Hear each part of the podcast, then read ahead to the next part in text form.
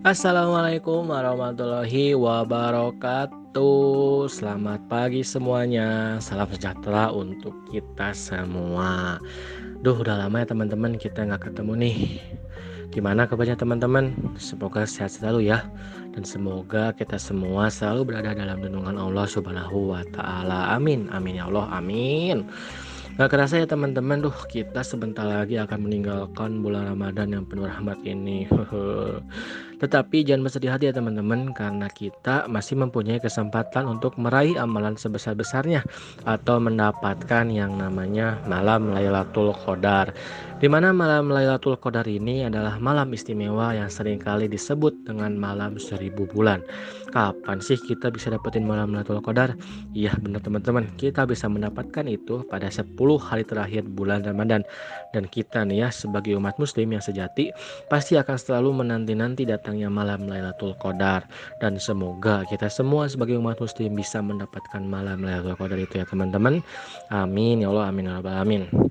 Baik teman-teman, perkenalkan nama saya Rifki Ramadan dengan NIM 1900149 dari PKN 2019A akan sedikit menanggapi dan mengomentari hasil diskusi dari kelompok 17 yang di mana beranggotakan Agnia Sabila Kurniawan dan Muhammad Nastur Rojab dan di mana mereka membahas tentang materi tentang place-based social studies teacher education learning to teach for ecological citizenship while investigation local waste issue.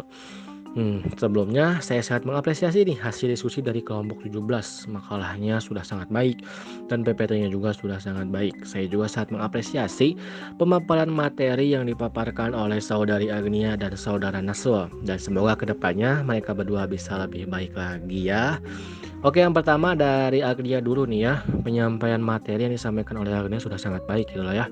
Secara rinci, Agnia itu menjelaskan tentang apa sih itu keluarga negara ekologis dan apa sih itu pendidikan berbasis tempat gitu ya. Kurang lebih seperti itu.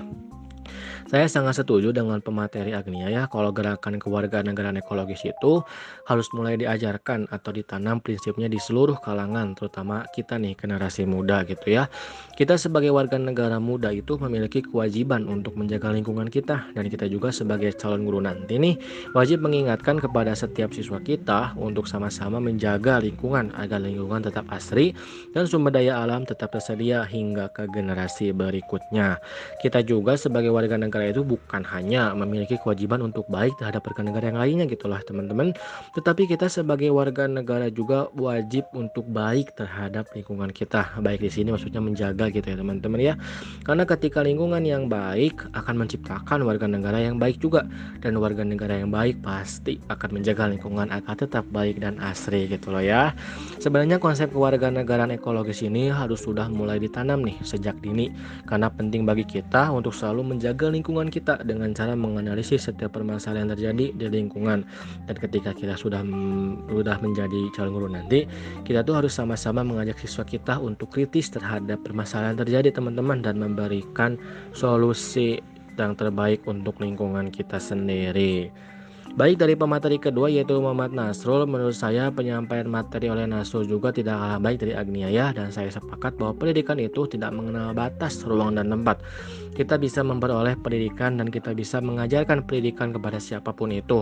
Dan konsep pendidikan berbasis tempat ini mendukung gerakan keluarga negara ekologis, di mana pendidikan berbasis tempat itu menekankan kepada para siswanya untuk lebih menghargai tempat di mana ia tinggal. Karena ketika siswa ataupun guru bisa menghargai di mana ia berada, maka proses proses belajar mengajar akan terasa lebih mudah karena ini akan berpengaruh terhadap psikologi siswa maupun guru gitu teman-teman ya. Karena kan yang kita ketahui semua ketika lingkungan itu bersih maka kita akan terasa nyaman. Ya untuk di kelas sedangkan jika lingkungan itu kotor ataupun terjadi banyak masalah maka kita juga akan risih gitu ya sebagai guru ataupun siswa gitu dan kita nggak akan nyaman teman-teman gitu loh nah maka dari itu kita sebagai guru ataupun siswa harus sama-sama untuk menjaga lingkungan yang baik karena lingkungan yang baik menunjukkan atau mencerminkan bahwa kita merupakan warga negara yang baik Oke, secara keseluruhan saya sangat mengapresiasi penampilan dari kelompok 17 dan semoga ini bisa dijadikan sebagai motivasi untuk menjadi lebih baik lagi ya. Dan terakhir, eh, pertanyaan terakhir oleh saya simpel sih gitu. Bagaimana sih caranya agar kita sebagai guru atau siswa menjaga lingkungan kita agar tetap asri sedangkan di luar sana banyak sekali nih pihak-pihak atau tangan-tangan yang nakal yang berusaha untuk merusak lingkungan kita. Baik, mungkin pertanyaan tadi sekaligus mengakhiri pertemuan kita di podcast aduh pertemuan itu ya. Mohon maaf bila banyak kekurangannya teman-teman dan mohon maaf juga bila banyak kata-kata yang kurang berkenan di telinga para pendengar gitu ya. Mohon maaf juga bila masih banyak gangguan-gangguan gitu loh ya. terima kasih atas segala perhatiannya dan terima kasih juga kepada pendengar setia podcast ini ya teman-teman. Eh, mohon maaf bila banyak kekurangannya uh, jaga kesehatan selalu ya teman-teman dan semangat terus dalam menjalankan ibadah puasanya. Akhirul kalam wabillahi taufiq. Wassalamualaikum warahmatullahi wabarakatuh.